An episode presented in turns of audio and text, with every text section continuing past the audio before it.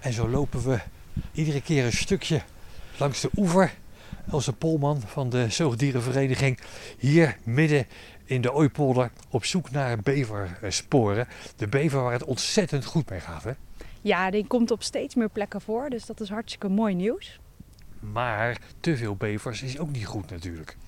Nou, te veel bevers, uh, is, je kan niet echt te veel hebben, want bevers zijn territoriaal, dus die vechten het samen wel uit. Maar je kan wel bevers hebben op plekken die voor ons als mens niet zo handig is. Bij, uh, bij dijken of zo? Bijvoorbeeld in een dijk of uh, onder een spoor. Ja, daar willen we als mensen natuurlijk liever geen beverhol hebben. We slokken steeds meer ruimte op en zo krijgt de bever natuurlijk ook steeds minder mogelijkheden.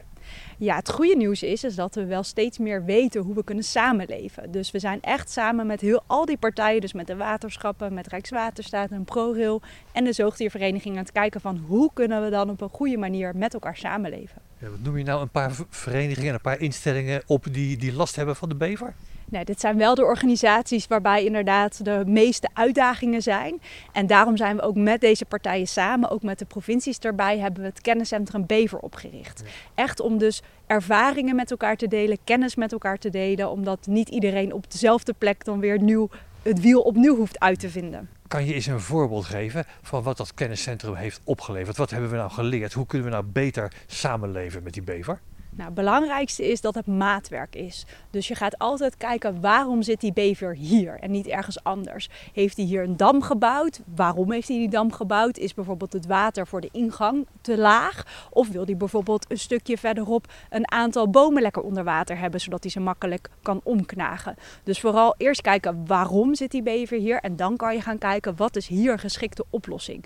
En we hebben op het kenniscentrum gewoon een hele rits met oplossingen staan.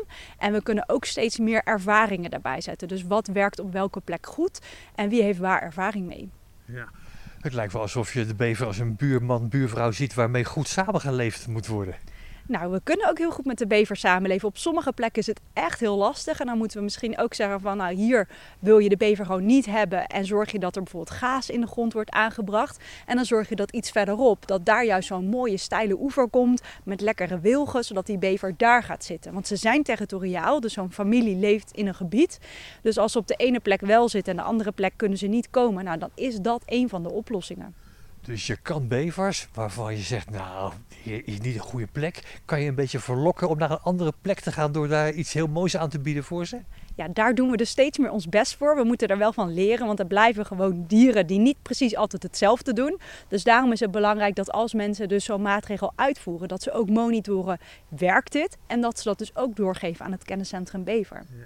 Kunnen we daarmee de overlast, want die is er natuurlijk wel van bevers, kunnen we die daarmee voorkomen? Nou, je zegt het heel goed. Het beste is om te voorkomen. Dus waar we steeds meer op inzetten is preventieve maatregelen. We weten op heel veel plekken waar de bever nog niet zit dat het wel zou kunnen komen. Waarschijnlijk zal gebeuren. Dus het beste is als er bijvoorbeeld ergens dijkonderhoud wordt gedaan, om dan meteen mee te nemen wat kunnen we doen voor die bever. Heel Nederland in de gaas zetten is natuurlijk geen optie. Dus we moeten ook kijken wat is realistisch. Wat zijn plekken waar we echt op moeten inzetten en wat zijn plekken waar we de bever echt ruimte kunnen geven. Ja, laten we geen wolventoestanden krijgen met de bevers. We leren van, het, van de wolf, dat, wat we daarvan leren passen we toe bij de bever. Ja.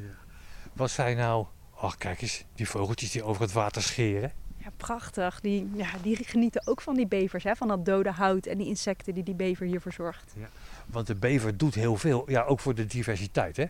Zeker, dus die bever zorgt bijvoorbeeld uh, met zo'n dam dat er meer water wordt vastgehouden. Dus als er een droge periode is, dan zie je op plekken waar zo'n bevermeer is of een beverdam, dat het daar juist nog lekker nat is. Of dus dat dode hout, wat gewoon voor heel veel meer dieren en planten en insecten en allerlei andere beestjes zorgt. Dus de bever zorgt ook voor heel veel goede dingen, gelukkig. Ja, gelukkig wel. Als ik bever was, dan wist ik het wel. Ja, dit is in ieder geval een prachtig oh. beverwalhalla. En hier kan die ook rustig zo gaan gaan.